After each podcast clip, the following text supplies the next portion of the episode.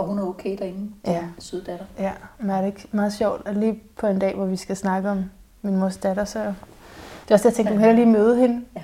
Så, du, så når jeg siger det, jeg siger, at du så ikke tænker, okay, du er en af de onde mødre. altså, det er jeg jo bange for, at du måske tænker om mig. Nå. Fordi jeg har jo også mine fortrydelser, og mange. Ja, og det, og det er jo indbygget, men, men det, der er noget af essensen, øh, men er det er jo, at hvis vi tør at være ved for fortrydelserne, så kan heling ske. Ja. Altså det er jo der, hvor man som mor omskriver virkeligheden og ikke siger, og siger, at det ikke er sket, eller jeg har været perfekt hele vejen igennem. Mm. Nå, Der er et ja, problem. det sker ikke. Nej, der er et problem. Men det andet kan også tynge en lidt ned. At der var så mange ting, Ja, man kan. Nå. så er det. Nu siger jeg velkommen til. Velkommen til Lyden af et bedre liv. Tanja Eskesen. Hele vejen fra Svendborg. Og, til, og velkommen tilbage, Tak skal du have. vil jeg sige. Fordi at vi har jo talt sammen i episode 120. Sådan en dejlig rundt I sommer sådan en gang, ikke? Lige præcis ja. Ja. i sommer, så vi mødtes i Nyborg. Ja. Og øh, havde en meget, meget kraftfuld samtale. Ja. Så den skal man helt klart gå tilbage og høre, fordi det her er noget andet, fordi det er også altså det er ud fra en anden bog, Ja. som du lige har skrevet, som har udgivet, som hedder Min mors datter. Ja. Og det, jeg har lige skulle tage lidt til Ja. at læse den her. Mm-hmm. Kan du genkende det for, for dine læsere, at der, det går dybt, det her? Ja, det er i hvert fald de tilbagemeldinger, jeg får. Ja. At, at øh, det er en, en bog, mange føler sig voldsomt berørt af. Enten øh, i deres eget felt, hvis de er mødre, og det sætter nogle refleksioner i gang omkring, hvordan er de mor. Eller hvis de har det, jeg kalder et morsorg. Mm. En dårlig relation bagudrettet til deres mor, så, øh, så sætter den også nogle svingninger i gang. Det rører virkelig ja. Noget, det her. Ja. forhold til mor. Ja. Og i starten af bog skriver du, at tanken om, at en mor kan være andet end god, er naturstridig i mange menneskers bevidsthed. Ja. Og det vil jeg godt høre om, det er første del af spørgsmålet. Men det næste del af spørgsmålet er, øh, hvorfor er det et problem, at vi benægter den onde mors eksistens? Fordi jeg synes jo ikke, altså det er noget særlig rart at tænke på. Nej, men, men øh, altså, jeg taler jo alene ud fra mit univers. Det er enormt vigtigt for mig at sige. Ja. Jeg taler ikke som psykolog, eller som psykiater, eller som, som terapeut. Jeg fortæller og ser. Mm. Og jeg fortæller fra det felt med at kigge ind i den kvindelige slægt og ind i den kvindelige arv. Og min oplevelse er, at hvis ikke vi vil tale om, at mødre kan være destruktive, så kommer altså såret til at hvile alene på datteren, så bliver det en oplevelse af, at det hindrer noget galt med. Så når hun går ud i verden og forsøger at tale med nogen om, at hendes morrelation er dårlig, så vil det falde tilbage på hende. Hvis ikke vi tør tro på, at mødre kan gøre andet end at elske deres børn, så bliver det datteren, der bærer sortepær. Og dermed bliver det vanskeligt at hele det. Så vi er nødt til altså, at kunne tale om, jamen nogle gange, så kommer en mor bevidst eller ubevidst til at være ond med sin datter. Jeg skal nok sige noget mere om, hvad jeg mener med ond. Ja, Hvorfor det er det ord, jeg vælger at bruge. Ja, og så den første del af det, altså med, at det er naturstridigt i mange menneskers bevidsthed. Hvorfor er det det? Det er jo et godt spørgsmål. Jeg, det, det kan jeg jo ikke svare øh, altså rent på, hvorfor Nej. er det, vi har så svært ved at tro mm. på det. Men altså, der ligger noget i hele den her øh, fortælling i det kvindelige om at have båret barnet under sit hjerte. Og så er det ligesom implicit, jamen så må det være en relation, der er forankret i kærlighed. Og, og det, jeg jo bogen skriver om, det er, at en kvinde kan være så bange for sin kraft, at hun også er, er bange for den, når hun ser det i sit barn, hvis barnet er en pige. Og man så bliver jaloux. For, øh, enten bliver jaloux, mm. eller altså et, et, et, øh, et pigebarn er jo livskraftigt. Det, det er drenge også, men nu er det piger, mm. jeg skriver om her. Ikke? Ja. Og det vil så sige, at, at når pigen vokser til og bliver kraftfuld, så kalder hun jo på kraft i sin mor. Og hvis moren så er bange for kraften, så bliver det lettere at skyde budbringeren. Altså at fortælle datteren, at hun ser forkert, hører forkert, er forkert. Og hvis ikke vi tør tale om det felt, at sådan kan en mor-datter-relation også være, og at en mor bevidst eller ubevidst dermed er ond, altså kommer til at skade sin datter, så er det svært at hele det. Så vil datteren være nødsaget til at søge løsningen alle mulige andre steder, end der, hvor såret egentlig kommer fra. Og det er også meget subtile måder, at den her mor kan sige det til sin Ja. datter på, Ja. at hun er forkert. Ikke? Ja. Fordi i, i, altså det, jeg hører fra rigtig mange kvinder, jeg, jeg kører de her workshops, mor-datter-workshops, hvor man altså ikke har sin mor med, sin fysiske mor med, men hun er jo alligevel på en måde med i rummet. Ja. Og, og det er nemlig det ord, rigtig mange kursister gengiver, det er, at det foregår subtilt. Ja. Det er der, og det er der alligevel ikke. Fordi det er jo ikke sådan, at, at moren nødvendigvis øh, banker sit barn, eller skærer i hende, eller Og det er vel heller ikke, fordi moren nødvendigvis er direkte manipulerende og bevidst gør det. Kan det være sådan, fordi hun bare simpelthen ikke har tjek på sig selv? Ja, men, og det er jo, altså morsorg kan jo ligge i hele spektret. Mm. Fra afvisning til altså tavshed, øh, mm. bare ikke at have tjek på sig selv, være opslugt i sin egen smerte, Ja. og til at helt over der, hvor, hvor hun er bevidst destruktiv. Ja. Og min oplevelse er, altså igen taler jeg jo ikke som terapeut eller som psykolog, jeg, det, jeg taler jo ikke fra et teorifelt her, men min oplevelse er, at det ikke nødvendigvis er, at den værste opvækst, det er ikke nødvendigvis opvæksten i helvedes foregår, der har givet de dybeste sår. Nej. Det kan godt være en opvækst, hvor, øh, som udefra ser normal ud, som har givet nogle voldsomme lesioner mm. i en kvinde. Og, den, og tit så er det jo faderen, vi skyder. Altså vi har, vi har let ved at tro på øh, onde fædre, ikke? eller Ja. onde stedmødre. Eller, men, men moren som destruktiv har vi set fra mit univers stadigvæk en berøringsangst i forhold til. Ej, det er rigtigt. Altså for, for min egen personlige historie i hvert fald, hvor jeg også i mange år troede, var min far, var galt ja, med. Jeg fandt jo ud af, at min mor var der også. Og, og, og det er jo meget... Altså, da jeg begyndte at skrive den her bog, der gik jeg på, på øhm, efterforskning i eventyrene. Fordi det er jo ligesom ja. det, der er mit udgangspunkt. Ikke? Og gennemlæste øh, danske, nordiske, russiske, amerikanske, sydamerikanske eventyr, jagten på den onde mor. Øhm, og det, den eneste, jeg sådan øh, fandt, det var Hans og Gretes mor, som jo leder sine børn ud i skoven. Åh oh, ja, Ikke? der er lige den. Ja. Og ellers så er, er de onde møder fuldstændig fraværende i eventyrene. Jeg har i hvert fald ikke stødt på dem. Og der er ikke også en, hvor du skriver, at man har lavet det om? Jo, og det er så Snevide, mm. jeg, jeg på et tidspunkt så finder en gammel udgave af, som er inden brødrene Grimm har puttet den i en eventyrsamling til at tage med ind i børneværelset og læse højt. Der var det faktisk moren i Snevide, der er den onde dronning. Altså Snevides biologiske mor, Ja. eller fysiske mor. Og det har brødrene Grimm så skrevet om, fordi de magtede simpelthen ikke at tage den fortælling ind i børneværelset. Det var for grumt. Mm. Og så var det så øh, Snevides stedmor, der blev den hendes onde ånd, som brødrene Grimm kalder hende. Ikke? Okay, jeg vil lige sige som sådan en teaser til lytterne, at vi har besluttet at lave to øh, afsnit sammen. Udkommer samme dag, så der er ikke noget på den måde. Men øhm, i nummer to, der vil jeg spørge dig rigtig meget i forhold til kærlighedsrelationer, mm. og hvordan morsåret indvirker på fremtidige kærlighedsrelationer. Fordi mm. det var noget af det, jeg i din bog greb ud efter og sagde, det der, det genkender jeg. Så, så det er bare lige sådan en teaser til, at det tager vi der. Ja. Så det blander ikke ind i nu. Jeg holder mig fra det, selvom jeg synes, det er meget, meget spændende. Okay, men så, så skriver du videre, at øh, moren kan næsten fortæres af sin egen vanvittige skygge og blive et menneskeligt rovdyr. Mm. Og det her med, med, at den vanvittige skygge, eller den vanvid, at at det betyder mangel på fornuft. Mm. Øhm, det, hvad, hvad er det her for et menneskeligt rovdyr, som du flere gange kalder frem i mor-arketypen? Altså det, det er jo nok i virkeligheden beskrevet rigtig fint i fortællingen om Snevide, og det er også derfor, jeg har valgt at tage det eventyr med. Altså og, og, og fysisk genskrive det i bogen. Fordi der er, altså de fleste af os kender jo fortællingen om Snevide. Og ved at, at trække den ind som hendes fysiske mor, ikke som stedmoren, men som den kvinde, der har født Snevide. Jeg vil være hun- den skønneste i landet Jeg vil være her. den skønneste. Ja. Og, og Snevide er jo i fortællingen i sikkerhed, så længe hun ikke er smukkere end moren. Mm, Ja. Men i det øjeblik, at hun er blevet mere altså smukkere, øh, øh, mere vibrerende, mere kraftfuld, så træder moderen jo fra at være omsorgsgivende i en eller anden grad, ind at blive vanvittig. Fordi der, der kommer hele hendes eksistens, i hvert fald i eventyr, til at handle om at udslette Snevide.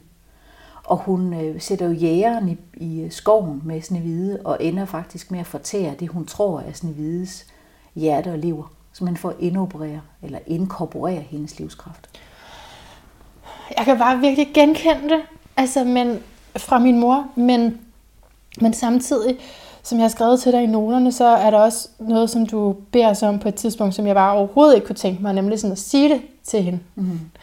Øh, og det er fordi, at jeg ikke føler, at det har været bevidst, ja. hun har gjort det. Mm. At det mere bare har været, fordi det er jo ligesom været det plan, det niveau, hun har set virkeligheden på, og så vil hun naturligt også have mig derned, ja. og alt andet kan hun ikke, kan hun ikke forstå. Nej. Så det har ikke været sådan bevidst for at trække Nej. mig ned. Kan, er det stadig et morsår? Ja. Altså, det, det, det ville være mit postulat. Ja. Fordi altså, der ligger stadigvæk et sår, om det er tilføjet bevidst eller ubevidst, så er der stadigvæk et sår. Ja. Fordi hvis, og, og, det, og det er også noget af det, der ligger i fortællingen omkring den her med at friholde møderne.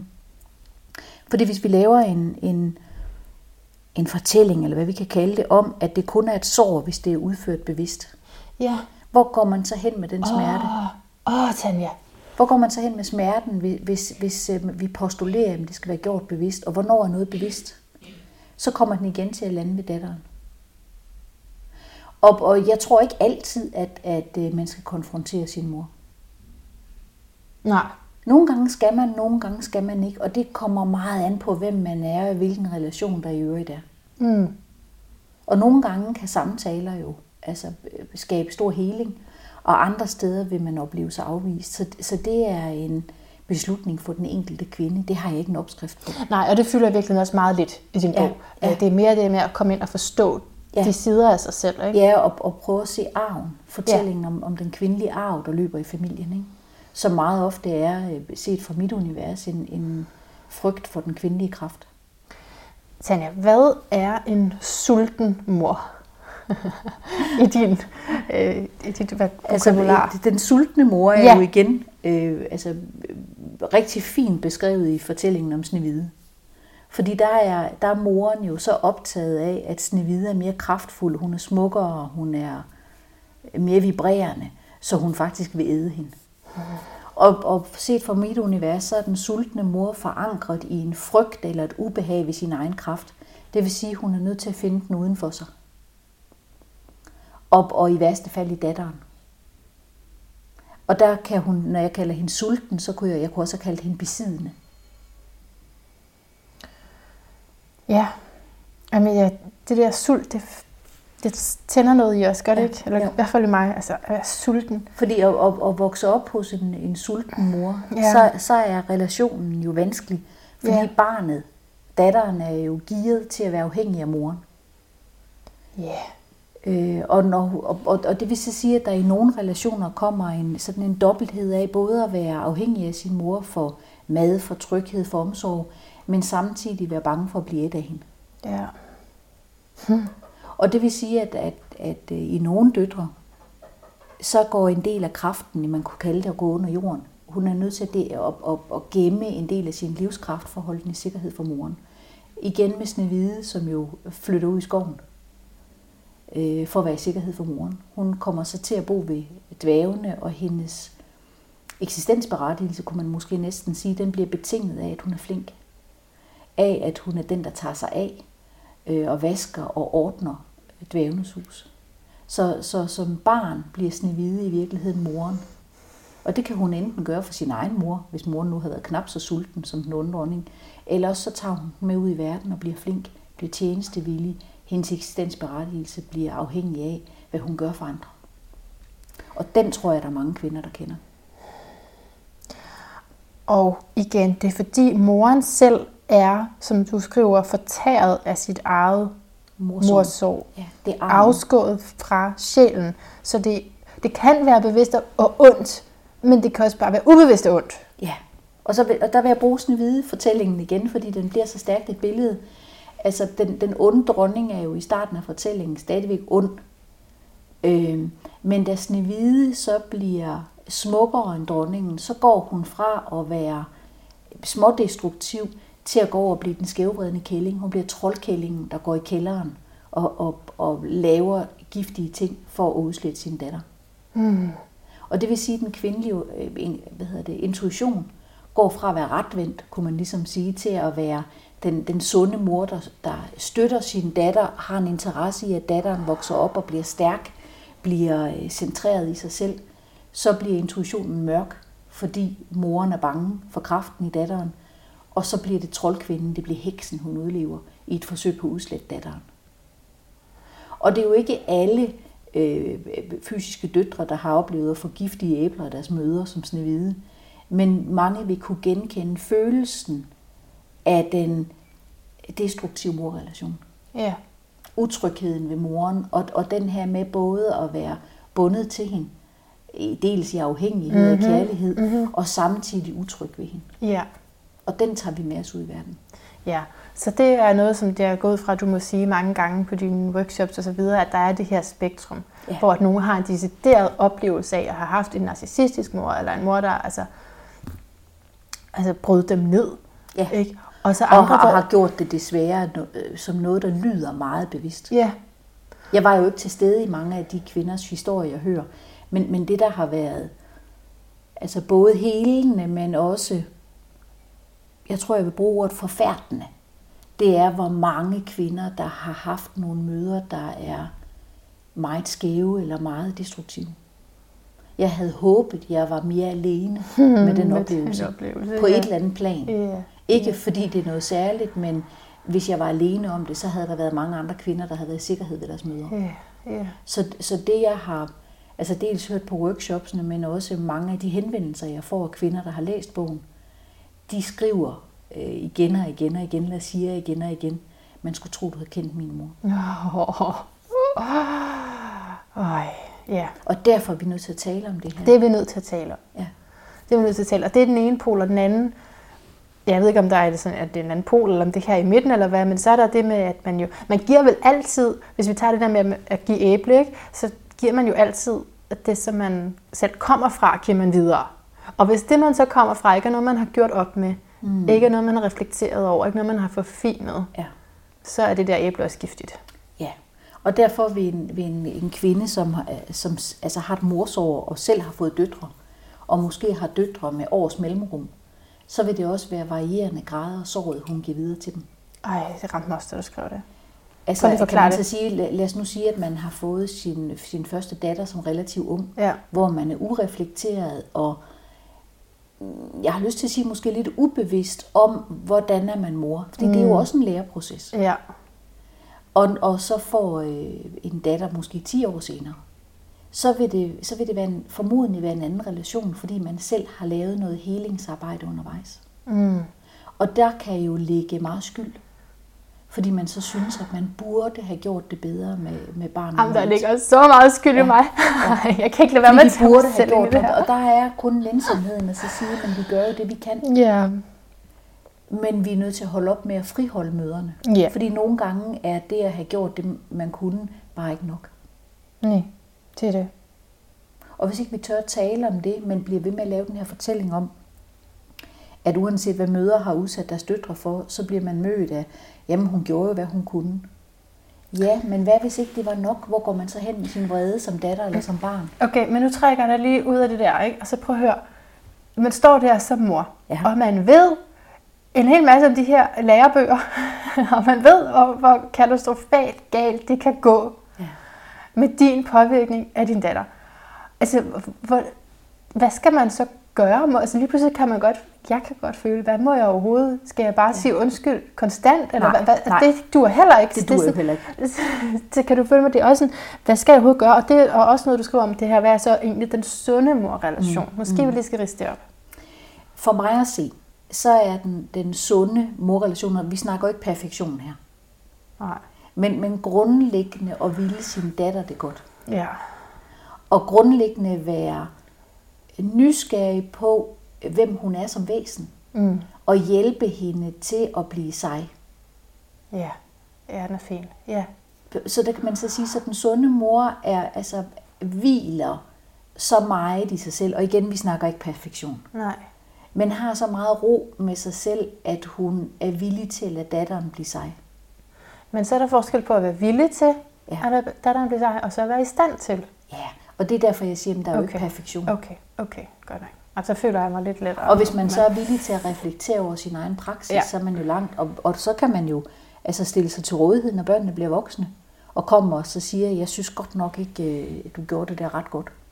Prøv at, det er fuldstændig must. Hvis man lytter med på det her, Ja. det der, er det ikke sådan, ja. det, det, det, det er minimum, man må gøre Ja. ja. som forældre. Det er at lytte. Også selvom man ikke er enig, og Ja. også selvom man har oplevet det anderledes. Ja, Så må man være villig til at stille op og så sige, jeg hører. ja, fordi hvad er vigtigst, ikke? Din oplevelse eller din kærlighed til det her barn. Men så støder vi på sort. Mm. Fordi det mange møder jo gør, det er at gå i forsvar. Mm. Fordi vi bliver ramt på vores måske næsten eksistens på ikke at have gjort godt nok.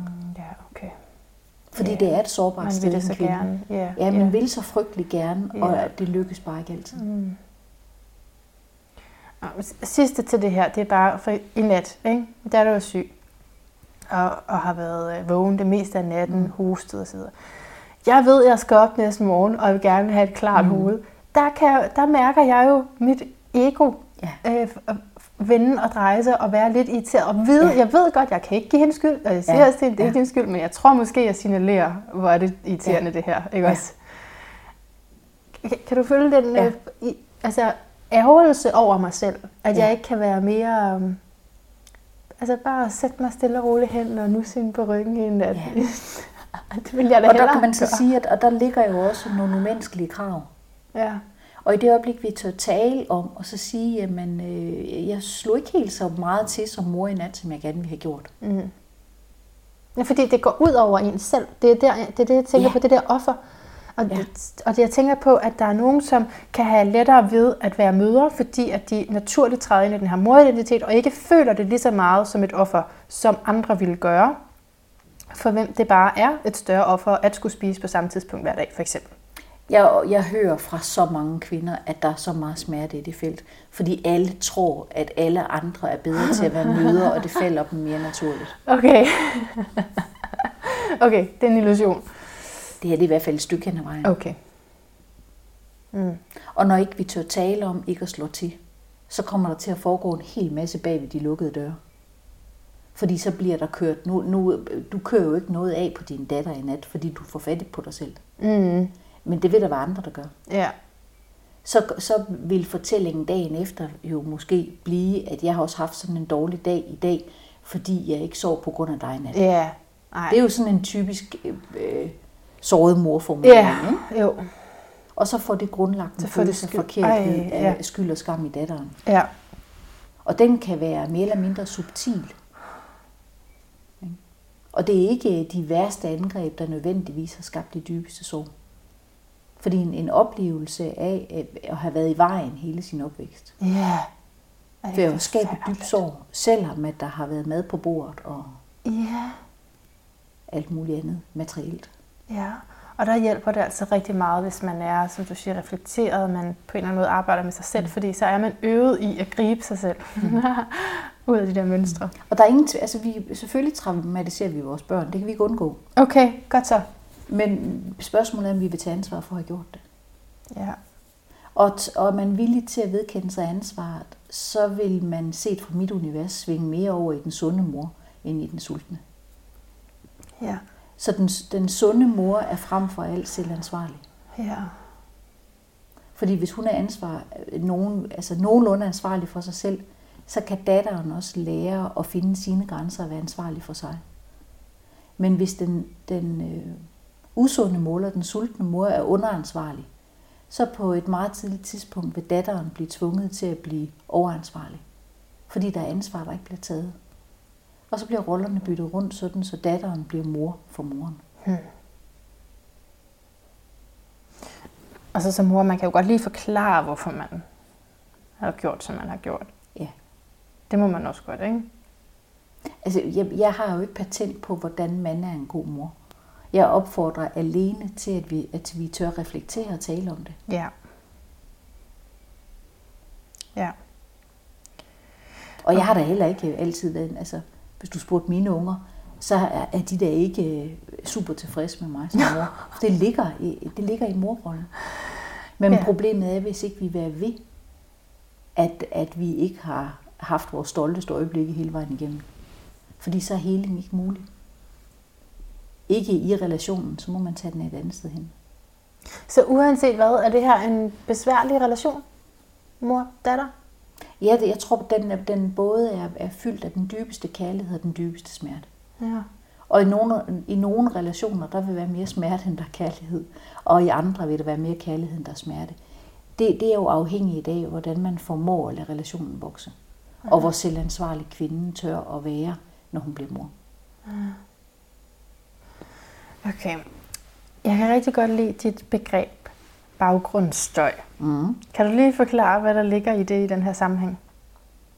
Ja, øhm, baggrundsstøjen oplever jeg er altså det øh, tankesæt eller den strøm af følelser, man er vokset op med, som er usorteret. Jeg sammenligner det sådan lidt med at have arvet familiens dødsbo.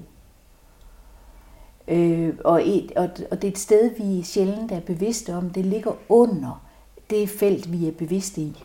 Der, hvor vi laver positive bekræftelser og har nogle refleksioner over for os selv. Øh, baggrundsstøjen kan være den tone, man vågner i om morgenen. Af utilfredshed, eller frygt, eller selvhad, eller hvad det nu kan være. Og meget ofte så er baggrundsstøjen, i hvert fald hvis der har været en destruktiv morrelation, så er den negativ. Så er det ikke en baggrundsstøj, der løfter op, men det ligger også næsten i begrebet. Så hedder det jo ikke støj. Nej. Altså, så, så er det noget, der nedbryder. Og man skal ind og sortere i det her dødsbo. Ja. Uden Og, og, det og, og mange bliver voldsomt frustreret i det her baggrundsstøjsfelt, fordi de måske er meget bevidste og tager sig af sig selv, og alligevel vil de opleve for eksempel om morgenen og, og, øh, og vågne i en tone af selvhed, som de så skal bruge tid på bevidst at træde ud af, for så at være vågnet i den igen næste morgen. Så jeg oplever, det er sådan en, en man kunne næsten kalde det en fabriksindstilling, man ryger tilbage til. Hvis ikke man er meget bevidst og tør at sige, at det her det er bare familiens arv, der taler. Kvinder, der i årtusinder har været bange for deres egen kraft, været forkerte, mangel på eksistensberettigelse. Der kan ligge noget kropsligt i den. Altså, den kan indeholde alt muligt. Ja, så nu giver du os lige en nøgle. Hvis man ikke har det, så løsningen på det vil være, at man, Lytter. man lytter, og, Lytter ind i sig selv. ja, og, og kan differentiere at vide, at det her det er, hvad det er, Ja. og det er ikke mig, eller hvordan. Ja, og så gå på opdagelse i, hvor meget af, hvis vi nu bruger det her billede med familiens dødsbo, har jeg lyst til at føre videre. Ja. Og, og hvad skal afleveres nede ved Blå Kors? ja. Altså sige tak, nu har jeg prøvet den her på, den, den passede ikke rigtigt. Ja, du kalder det summen af sansninger, du ikke har taget stilling til. Og meget ofte er de jo indlært meget tidligt. Altså næsten inden vi har et sprog. Fordi det bliver en følelse af, om man er i tryghed i verden, eller man Ja. ja. er i usikkerhed.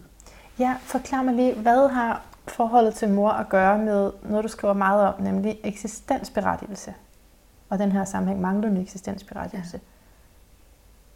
Altså, jeg oplever, at den ligger i den. Altså, der ligger dels en tråd i, i øh, den kvindelige slægt.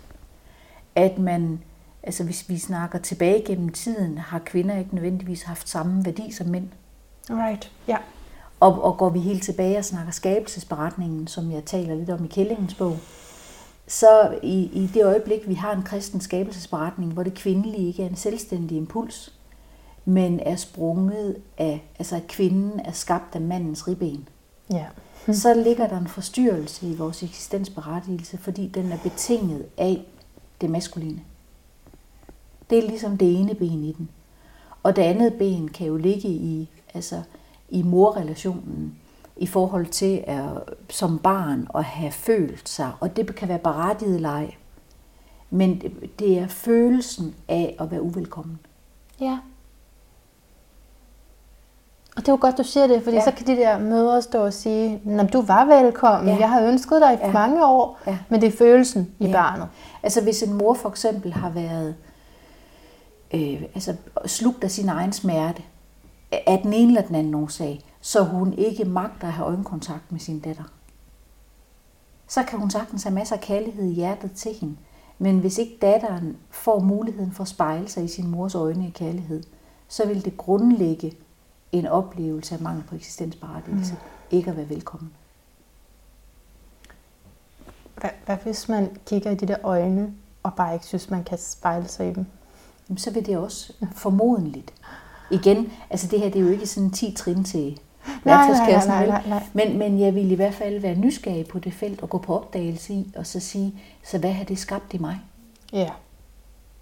Fordi det der er, skal man lave en opdagelsesrejse ind i det her felt, ind i sin kvindelige arv, så er det af afgørende vigtighed, tror jeg vil sige, at man er lojal over for sine egne sansninger.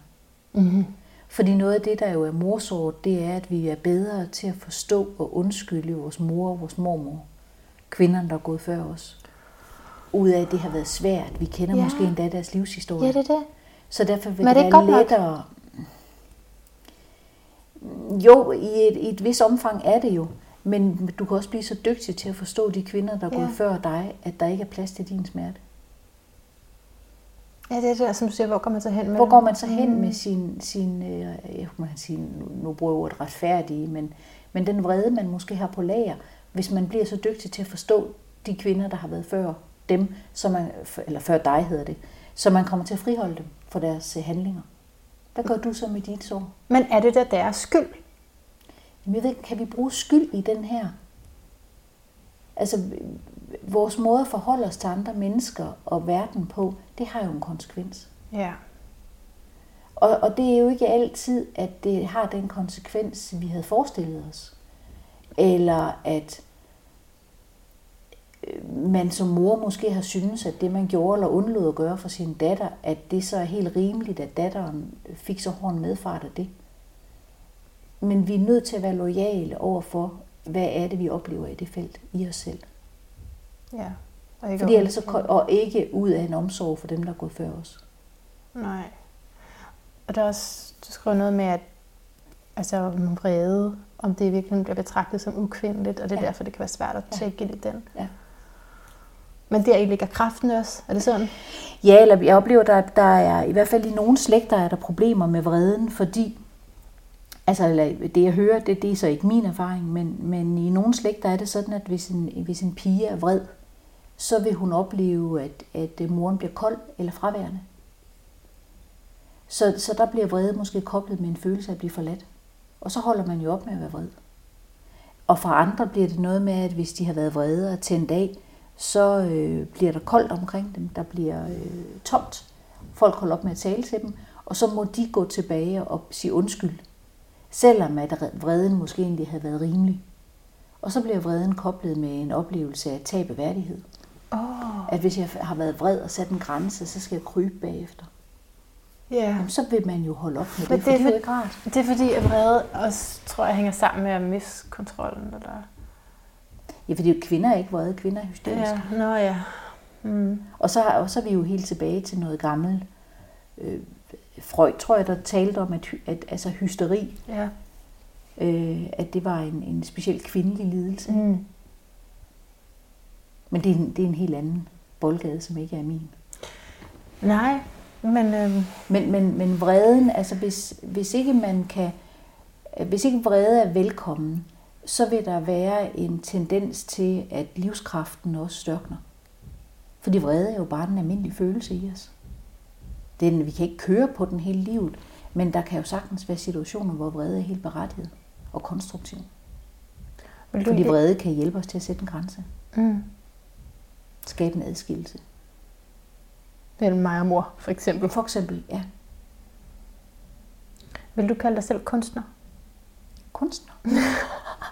Nej, det tror jeg. Jamen, det var fordi, jeg kom, fordi du flere gange så ligesom siger du, at dementerer du mod at være øh, noget som helst øh, altså teoretisk. Øh, Jamen, det er bare meget vigtigt, at Ja, ja, jeg ikke taler fra et, Nej, men- et, et, et felt som psykolog for eksempel. Nej, men når man læser dine bøger, så er det jo fordi, man kommer ind i, hvad man, jeg synes, man kunne kalde et kunstnerisk univers, mm. Eller sådan et, et frit univers, altså litterært univers, ikke? Mm. Øh, hvor at man netop kan afsøge sådan nogle her ting, mm. Mm. som man måske ikke kan, hvis det er fra 0 til 2 år, så er der tilknytning, mm. så er det en helt anden del mm. af mig, der er i Og den har i den grad sin berettigelse. Jo, jo. Det er bare ikke min hjemmebane. Nej, det er det. Men Så der er noget andet at hente her. ja, kunstner.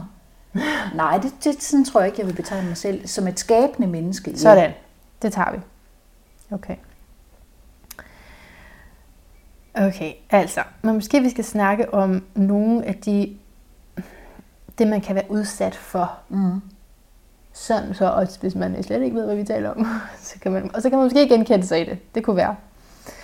Øh, gaslighting. Mm. Hvad er det? Øhm, gaslighting er opkaldt efter øh, en øh, film, øh, hvor en, øh, en partner eller en, en ægtemand så tvivl om en, en, hans kones sanser, oplevelse, hukommelse. Og, og øhm, jeg tror, gaslighting har man vel mest brugt i forbindelse med, med kærlighedsforhold eller med voksne relationer. Men jeg oplever i høj grad også, at den foregår fra en mor til en datter. Så hvis mor nu er sulten eller ikke på plads med sin egen kraft, så vil hun, øh, lad os bare sige, være tilbageholdende med at bekræfte datterens oplevelse af verden. Ja, fint. Ja. Og, og det vil sige, at, at hvis øh, datteren kommer op og, og giver udtryk for at have oplevet noget bestemt, så vil moren korrigere hende. Så siger nej, det var ikke sådan, det var. Ja. Den var ikke rød, den var blå. Ja. Eller hvis datteren si- siger, men øh, hvor er min røde trøje henne? Så vil moren, sige- fordi moren måske ikke kunne lide den, så hun hævet den ud og sagt, men du har aldrig haft en rød trøje. Så, så gaslighting er, når man altså skaber tvivl i et menneske, om begivenheder har fundet sted, om hukommelsen er rigtig, og om følelserne er rigtige. Og, og i kærlighedsforhold altså kan, kan det jo godt foregå, men der er det, altså der skal arbejdes lidt for det, fordi det er jo to voksne mennesker. Men foregår det fra mor til datter, så er det ekstremt skadende, fordi datteren jo er fuldstændig gearet til at være afhængig af moren. Fuldstændig overgivet. Og, og stoler fuldstændig på morens udlægning af verden. Jeg kan ikke gå. Altså, og jeg ved måske ikke engang, at der findes myndigheder, jeg kan gå til vest. Nej. Altså, jeg ved, jeg er helt overgivet. Ja. Og, og, det. og, og hvis, det, hvis gaslighting så bliver rigtig giftigt, så vil det skabe en, øh, en afhængighedsrelation, hvor datteren vil have brug for at tjekke sine egne oplevelser af med moren. Mm-hmm. Fordi moren jo virker som den, der har patent på virkeligheden. Og det vil sige, at, at, at øh, altså langtidsvirkningerne af gaslighting for eksempel være at have en enorm tvivl på sine egne sanser. Altså oplever jeg det, jeg tror, jeg oplever? Føler jeg det, jeg tror, jeg føler? Øh, sociale relationer. Kan folk lide mig? Kan de ikke lide mig? Det skaber en usikkerhed på verden. Og det der, det er dit mors sår, der taler. Det kan det være, hvis der er foregået gaslighting, ja. Og så, og så kan man sige, så, øh, så selv hvis man får løsrevet sig fra sin mor, så vil man typisk finde en anden øh, førerhund, har jeg lyst til at kalde dem, ude i verden.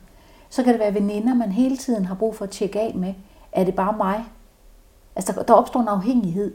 Eller også så er det terapeuter, man bliver afhængig af, eller en kæreste. Eller der er hele tiden nogen, der skal validere oplevelsen af virkeligheden, for den har man ikke fået med hjemmefra. Den der, er det bare mig? Altså, det er en meget god Ja, sætning, ikke? ja. Er det bare mig? Og, og, Ja. ja. øhm, og der kan også, den kan også ligge ind i en forstyrrelse af grænserne. Mm. Fordi hvis moren hele tiden har fortalt datteren, at hun var nærtagende og sart og negativ, hvis hun øh, sagde nej til noget, så bliver det svært at sætte grænser. Fordi det første sted, en kvinde skal lære at sætte grænser, er jo typisk over for sin mor. Det er jo der, forbindelsen er tæt. Det er meget ofte også der, hende hun bruger flest timer med. Og der vil grænsesætningen være forstyrret, fordi at, at hvis ikke det har været trygt at sætte den første grænse, sige nej til mad eller sige nej til berøring, men moren har sagt, nej, det har du lyst til, du kan bare ikke mærke det, agtigt. Mm. Så, så tager datteren den med sig op som voksen, og så bliver grænsesætningen forstyrret. Og der er meget af det her, man ikke kan huske. Ja. Så kan man måske bare se effekten af det. Ja, og det er derfor, jeg bruger det her udtryk med at gå på efterforskning. Ja, Og så sige, hvad er det, der sker i mit sansapparat? Right. Sådan, som man tager sit sansapparat tilbage igen. Du skriver også om, ja, du skriver, at det handler om, at øh, ens selvbillede bliver forvrænget. Ja.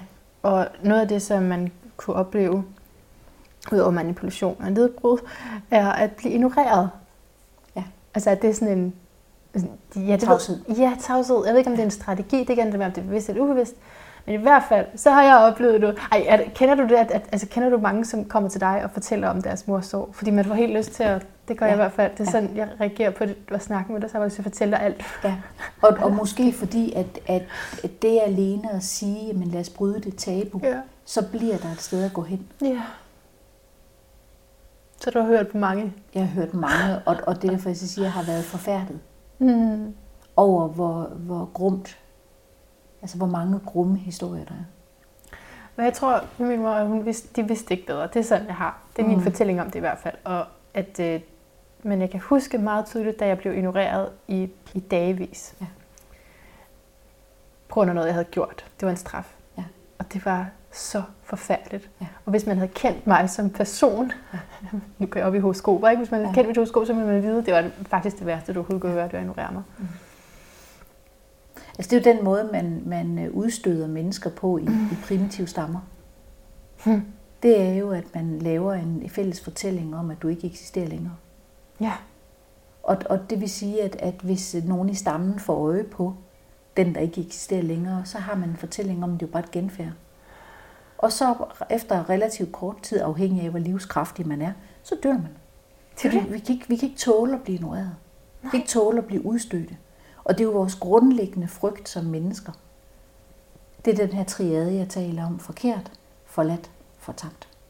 Ja. Så hvis man er forkert, så er der en risiko for at blive udstødt, altså at blive ignoreret. Ikke at blive spejlet, eller måske bare ikke få øjenkontakt. Og den, jeg har hørt den igen og igen, at den har, den har været anvendt. Som en, en, øh, ja, altså en straf, en måde at banke et barn på plads på, uden at røre det. Fordi de, de, vi er jo gearet i det menneskelige til at blive set og hørt. Det er fordi, det Så vi vil ret hurtigt øh, falde ind på plads og, og gøre det, vi øh, skal gøre. Det, Ja. der forventet af os. Ja. Og Fordi smerten ved at gå i udkanten af familien og være ignoreret, Ja. den, er, den er større, end at- jeg har lyst til at sige, end at få tæsk. Ikke? Jo. Og det føles altså ikke bare som en straf, det føles som om, at de bare ved det ikke. Der er ikke mere. De har ikke noget til dig. Glem det der med familie. altså. Og det kan måske i nogen grundlægge en, en ensomhed, man tager med sig. Ja. Alle mulige ting, ja. ikke? Oh my god. Nå, øhm, så hvis vi nu lige skulle lidt over på noget, hvad vi så kan gøre, eller sådan, ikke? Inden at vi lige holder en pause. Jeg ved ikke, skal vi prøve, altså skal vi læse op, eller jeg nogle sider, jeg gerne vil have, du læser op, mm. men det kan godt være, at du skal præsentere det lidt først. Måske er der et spring fra de her sådan, urimeligheder, man kan blive udsat mm. for, og så til, hvordan vi healer op. Fordi der er jo en vej ud, Mm. ikke? Jo, det oplever jeg der. Den, men den kræver arbejde.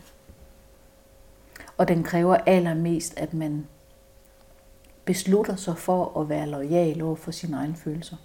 Mm. Uanset at hvad man kan få nogen til at bekræfte for sig. Fordi ellers så kan man jo bruge et halvt liv på at spørge alle mulige og umulige mennesker om, hvad der foregik, mens man var barn. Og hvis alle har en berøringsangst omkring det her felt, så vil man blive mødt enten af fortællingen om, at der er ikke nogen, der kan huske noget, eller det var vist meget normalt, og I havde da både bil og fjernsyn. Mm. Ja. Fordi meget af det, der foregår her, det foregår jo ikke, mens andre ser på det. De fleste møder, hvis de er taget af, altså af det, jeg kalder deres fraspaltede kraft, hvis de, hvis de er taget af deres følelser, deres emotioner og kører noget af på datteren, så vil det næsten altid foregå, når mor og datter er alene. Eller når der i hvert fald ikke er nogen, der stiller spørgsmålstegn ved det. Og det vil sige, at der er meget sjældent der vidner til det her. Ja. Så der vil ikke være nogen, der kan fortælle dig, om det er rigtigt eller forkert. Du er nødt til at gå på opdagelse i dine egne følelser. Og finde ud af, hvad er det? Hvorfor har jeg den her ambivalente relation? Følelserne, hvad, hvad er det, de fortæller mig? Og det er lag, man skal igennem. Og så skal man vel, fordi så i lang tid har jeg gået sådan og tænkt, så tænker jeg, hvorfor de sociale myndigheder, hvorfor så det ikke noget, hvorfor så lærerne ikke noget, hvorfor så I ikke, at når jeg reagerede ud, at så handlede det om noget andet, det er totalt logik for burhøns i dag, men det var det måske bare ikke lige dengang. Øhm, at det, det selvfølgelig handler om et eller andet i familien, og ikke om barnet selv. Mm. Øhm, men på et tidspunkt må man også holde op med at lægge den ud. Ikke? Mm. Og tage, altså, sige, "Nå, hvad gør jeg så herfra? Du kan ikke lave det om. Det kan ikke lave det om, Uanset for der er hvad der ikke har nogen- været i opvæksten, så kan vi ikke lave det om som Nej. voksne. Vi kan, vi kan bruge et helt liv på, at I vil ønske, det havde været anderledes. Mm. Ja, Ja. Men det var det ikke. Nej. Så du må gå på opdagelse i, hvad har konsekvensen været for dig. Og når du så ser dit eget mønster, så er du nødt til at begynde at handle anderledes. Ja. Så i virkeligheden så er det rejsen til at, at blive selvansvarlig igen. Og den er, den er vi ikke ret vilde med som mennesker. Til enhver tid, hvis der er en anden løsning, så vil vi gerne have den. Er der noget andet, jeg kan gøre end selv at tage Ja. ansvar? Så tager vi det. Og det er også at tage ansvar for ens egen indre fortælling og, og være efterforskende i det. Men hvad er det for noget, der ligger i mig? Ja. Og det måske handler det ikke altid så meget om, hvad det er konkret, der er foregået. Men mere, hvad har det skabt? Ja. Hvad er det for en fortælling? Hvad er det for en baggrundsstøj, det har skabt? Hvad, hvordan har det påvirket selvbilledet? Og så kan man jo enten blive ved med at være i lænke af den, ligesom omslaget på bogen viser. Ja. Eller også så kan man sætte sig selv fri. Og der oplever jeg, at man er nødt til at rejse ind af. Altså gå på opdagelse i det indre. Fordi man er nødt til at kende sin arv. Ikke i det fysiske, men hvad er det for nogle følelser, der, der løber igen? Hvad er, Mm. Hvordan er det, kvinder har forholdt sig til deres kraft? Har det været trygt og, ud, og, og udtrykt synligt? Eller har det været bedst og fedt spil at manipulere? Hvordan er det, kvinder i min slægt har forholdt sig til deres kraft? Har det været trygt, synligt at være kraftfuld? Mm. Og nogle gange, så jeg har oplevelsen af, at, at nogle gange, så kan der have været mange, mange, mange generationer tilbage, kan der være sket et eller andet omkring øh, det her med at stå i sig selv som kvinde og være kraftfuld og grænsesættende, som er endt uheldigt. Af på den ene eller den anden måde. Og så vil der danne sig et mønster i de kvinder, der kommer efter hende, om at den slags adfærd skal man lade være med. Og så kan der være gået måske 17 generationer. Og fordi man har taget, jeg har lyst til at sige, mågestillet, usorteret med hele vejen op, så er det blevet til en baggrundsstøj af fare. Af hvis jeg rejser mig op og er tydelig omkring, hvem jeg er, hvis jeg siger det, jeg gør, og gør det, jeg siger, det er et farligt sted at agere fra, så rammer vi et felt af frygt. Men der er ingen, der siger, at det er dit felt. Ja, det er det blevet. Men det har det måske ikke været som udgangspunkt. Så forlad det. Ja, eller i hvert fald blive meget øh, nysgerrig på det. Mm. Og så sige er det mit det her? Mm. Er det sandt? Mm. Eller er det bare noget, jeg har arvet? Som føles næsten som om, at det er mit. Tanja, vi gemmer lige oplæsningen til øh, optagelse nummer to med dig, hvor vi skal tale om kærlighedsrelationer. Øhm, for der har jeg en hel masse spørgsmål til. Så tak for det her, og øh, vi høres ved lige om lidt. Af hjertet tak til dig, der har lyttet med her også. øh, Så hvis ikke du ved det, så hedder jeg Manna Gulager, og hvis du øh, har, ved det, og så har du nok også lyttet til nogle flere episoder, og så har du måske bemærket, at jeg her efter det nye, det, her nye øh, kapitel i mit liv og i podcasten, er begyndt ikke at lave introer. Og det gør jeg faktisk meget bevidst. Sjovt nok. Øh, fordi jeg selv er også lytter jo af øh, en hel masse forskellige podcasts. Og jeg har fået sådan en dårlig vane med at lige spole de første 5 minutter frem. Fordi det plejer at være sponsorreklamer, det plejer at være gå ind og se på min hjemmeside og sådan noget. Og det er bare, ej, det var ikke, altså jeg havde kun måske 20 minutter, og jeg vil gerne bare til sagen. Ikke? Så, så kritisk en podcastlytter er jeg jo selv. så som producent er jeg også nødt til at tænke i de baner. Og jeg vil rigtig gerne have, at du hører med helt fra starten. Så derfor har jeg tænkt mig, at det blive ved med at være sådan, at man kommer bare direkte ind i interviewet, vi møder hinanden, og selvfølgelig skal man lige sådan, går selvfølgelig lidt tid før samtalen bliver dyb, men, men jeg har brug for dig i de indledende øvelser også. Så endelig bare lyt med fra 00 og frem. Um, og så øh, her til sidst, der kan man så vælge, om man er typen, der vil blive hængende til, hvad jeg har at sige, og hvad jeg synes, man skal gå ind og kigge på. Så det er ligesom standarden. Og her siger jeg noget, fordi jeg har jo lavet to dele af den her samtale med Tanja Eskesen, men øh, det kunne jo være, at du tænkte, det, nu, jeg magter det simpelthen, for, altså, jeg kan ikke lige komme videre i det her i dag, det kan gå ret tæt på, jeg vil selvfølgelig anbefale dig at lytte til del 2, men hvis nu ikke, at du gør det, så, så er det derfor, at jeg lige siger hej til dig nu, og øh, at siger til dig, og jeg, det gør jeg nu, jeg siger, jeg er så glad for, at du er med. Tak fordi du er med. Jeg er så glad for, at du er at du øh, vælger at lytte til det her program, frem for alle de andre milliarder millioner, du også kunne lytte til. Det kan være, du også lytter til dem, men så har du altså meget travlt. Så jeg, jeg værdsætter virkelig, at du er her, for jeg ved, at ved at være her, så siger du nej til noget andet. Så, så det skal du vide, at jeg værdsætter. Og så vil jeg da også sige, at du er meget velkommen til at gå ind på managula.com øh, hedder det. Altså, der, er der, den hedder ikke .dk, den hedder .com. Og øh, det skal du især gøre, fordi der er sådan nogle virkelig øh, gode billeder af mig, synes jeg. Jeg har i hvert fald gjort en indsats for, at de er blevet gode. Og en fotograf, der også har. Og, og, og nyd dem der, fordi når du møder mig i virkeligheden, så er det, altså, det er bare ikke helt det samme, vel? Men, men det er virkelig gode billeder på hjemmesiden. det er virkelig gode billeder. Og så vil jeg sige til dig, at øh, det jeg tilbyder, det er meget fantastisk. Så endelig kom og øh, få lagt dit horoskop af mig, og hvis du allerede har været forbi, ja, så kan jeg jo bare fortælle dig, at der er meget mere at komme efter, og jeg vil elske, hvis du kommer igen, og jeg er helt sikker på, at jeg kan give dig noget nyt med også igen. Altså, hvis vi ses igen. Øh, så, så selvom du har været her, så endelig kom igen. Og hvis du ikke har været forbi og fået lagt et horoskop af mig, også selvom du har fået lagt det andre, og især hvis du kun har fået lagt det igennem et eller andet på skrift, så kom. Så kom, fordi der er så meget at hente, når vi taler sammen om det. Fordi så kan jeg mærke, hvor du er henne de her arketyper, og, og dermed sige det til dig, som er allermest relevant. Det er da i hvert fald det, jeg prøver på.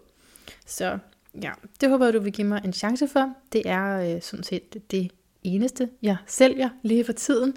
Jeg leder efter et sted at lave noget yoga med nogen, men jeg har ikke fundet det. Så det kunne selvfølgelig være, at øh, du lige hører det her, og så tænker, at øh, du kender noget, så er du velkommen til at skrive til mig. Øh, fordi det kunne jeg også godt tænke mig at øh, gøre en gang imellem. Men, øh, men ellers så er min tid øh, går til astrologien og, og den terapeutiske del, øh, som jeg synes, at astrologien kan... Øh,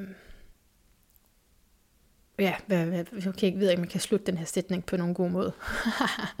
Men som jeg afslører for dig faktisk i del 2 her, hvis du hører til, så er jeg lige begyndt på en traumaterapi uddannelse. Og øh, det er fordi, jeg er så utrolig interesseret i trauma, og øh, også i horoskopet altid ser efter, altså det er ikke sådan, ja, det lyder sådan lidt, men man ser, jeg ser, i den evolutionære astrologi, så ser jeg efter traumasignaturer. Og altså, hvad vi har været igennem i tidligere liv, fordi det siger så meget om, hvorfor vi er her nu, og hvad det, hvor vores fokus ligesom skal ligge, og hvad vi lige skal passe på med at falde i af tendenser og sådan. Så jeg elsker at kæde astrologien sammen med den terapeutiske samtale. Det kan man godt, vil jeg gerne understrege, og det mener jeg godt, at man kan. Og jeg har 100% respekt for dem astrologer, der ikke arbejder på den måde. Jeg har 100% respekt for terapeuter, der ikke synes, at horoskoper hører med. Men øh, jeg er nødt til at være tro imod det, som jeg mærker, det er, der, det jeg kan 100% stemme overens, fordi det er sådan, at jeg føler, at jeg er blevet hjulpet allermest med mit indre liv og kontinuerligt gør. Og det er jo det, derfor jeg bliver ved med at sige, kom igen, selvom du har fået lagt et horoskop af mig, fordi øh, at der er mere at komme efter. Det gør jeg selv. Altså jeg kigger hele tiden i horoskopet. Okay, jeg er også lidt nørdet. Måske skal vi ikke snakke om, hvad jeg gør med mit horoskop, men der er bare så meget information i det, især når man også ser på de andre horoskoper end en fødselshoroskop, fordi det kan sige noget om, hvilken proces du er i, og hvordan du så skal forholde dig. Og altså, hvordan du arbejder med det øh, materiale, du er lavet af.